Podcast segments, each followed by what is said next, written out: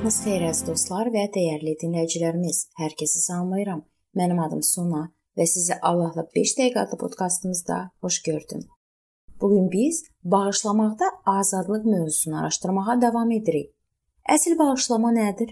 Mark 11:25-də yazılıb. Durub dua edəndə kimdən narazılığınız varsa, bağışlayın ki, göylərdə olan atanız da təqsirlərinizi bağışlasın.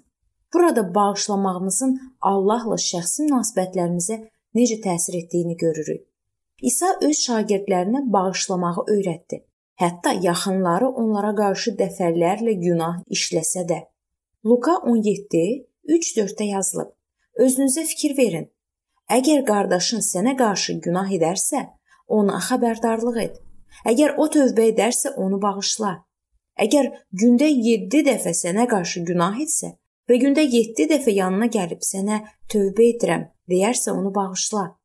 Bir dəfə Peter İsa'dan qardaşını 7 dəfə bağışlamağın kifayət olub-olmadığını soruşduqda İsa cavab verdi: Sənə deyirəm, 7 dəfə yox, 70 dəfə 7. Matta 18 21 22. Bu ardıcıl olaraq 490 dəfə bağışlamaq deməkdir. Burada İsa dedi ki, Allah bizi başqalarını bağışlamağa çağırıb və əgər bağışlamamızın hesabını aparsaq, onda məsələnin əsas mahiyyətini əldən çıxarırıq. Mərhəmət və xeyirxahlıq. Bunlar xilaskarımızın günahlarımızı bağışladığı zaman bizə göstərdiyi keyfiyyətləridir və bunlar onun yenə də günah işlətmiş insanlara göstərməkdə davam etdiyi keyfiyyətlərdir. O bizi də eyni şey etməyə çağırır. Baxın Efeslərə 4:32. Bir-birinizə qarşı xeyirxah, rəhimli olun və Allah Məsihdə sizi bağışladığı kimi siz də bir-birinizi bağışlayın. Kolossilər 3:12-13-də biz eyni fəzilətlərə bürünməyə çağırılırıq. Allahın seçilmişləri, müqəddəsləri və sevimliləri kimi ürək mərhəməti, xeyirxahlıq, itaatkarlıq, həlimlik və səbrə bürünün. Bir-birinizə dözün və birinizin digərindən şikayəti varsa, bağışlayın. Rəbb sizi bağışladığı kimi siz də bağışlayın. Bütün bu keyfiyyətlər bağışlamanın ayrılmaz hissəsidir. Bəs əsl bağışlama nədir? İsa deyib ki, əgər biz öz yaxınlarımızın günahlarını ürəkdən bağışlamasaq, səmavi Ata bizi bağışlamayacaq. Bağışlamaq ürəkdən gəlməlidir. Bağışlamağın bir cəhəti də bizə etdiyi pisliyə görə insana kin saxlamamaqdır. Əhdi cədid ilə əhdi ətiq arasındakı fərq də elə bundadır. İsa'nın təlimi təkcə əməllərə deyil, ürəyə də aiddir. Daxilimizdəki Allah ruhu bizə nəinki özümüzü qisas almaqdan saxlamaq, həm də yaxınlarımıza qarşı sevgi ruhu təzahür etmək üçün güc verir. Günahkar təbiətimizə görə kimsə bizi incitdikdə və ya yolumuzu kəsəndə inciklik və qəzəb hiss edirik. Zahirən göstərə bilməməyimizə baxmayaraq, cismani təbiətimiz inciklik hissindən həzz alır.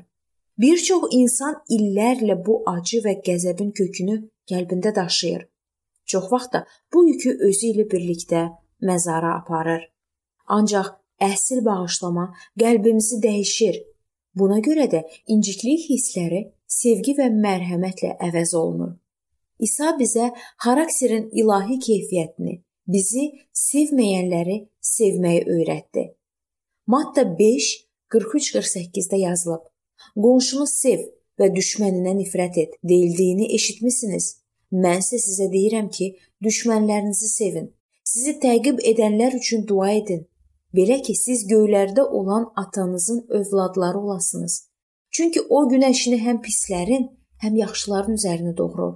Yağışını da həm salihlərin, həm də salih olmayanların üzərinə yağdırır. Əgər sizi sevənləri sevirsinizsə, nə mükafatınız olacaq? Vergi yığanlar da belə etmirmi?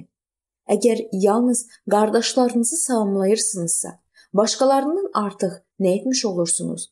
Bütpərəstlər də belə etmirmi? Ona görə də səmavi atanız kamil olduğu kimi siz də kamil olun. Bu ayələr içimizdə sevgi ruhunun olmasından nə demək olduğunu bizə izah edir.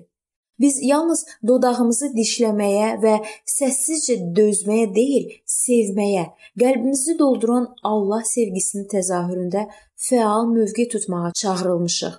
Bizə təzyiq göstərməyə çalışa biləcək pis insanlarla belə davranmalıyıq. Xüsusilə də qardaş və bacılarımızla. Çarmıxa çəkilən İsa'nın özü demişdi: "Ata, onları bağışla, çünki nə etdiklərini bilmirlər." İnsanlar daşlarla şəhid Stefanı son nəfəsdən məhrum edəndə o ataya dua edərək yalvarırdı: "Ya Rəbb, bunu onlara günah sayma." Bu çox maraqlı və vacib mövzunun davamı növbəti görüşümüzdə olacaq.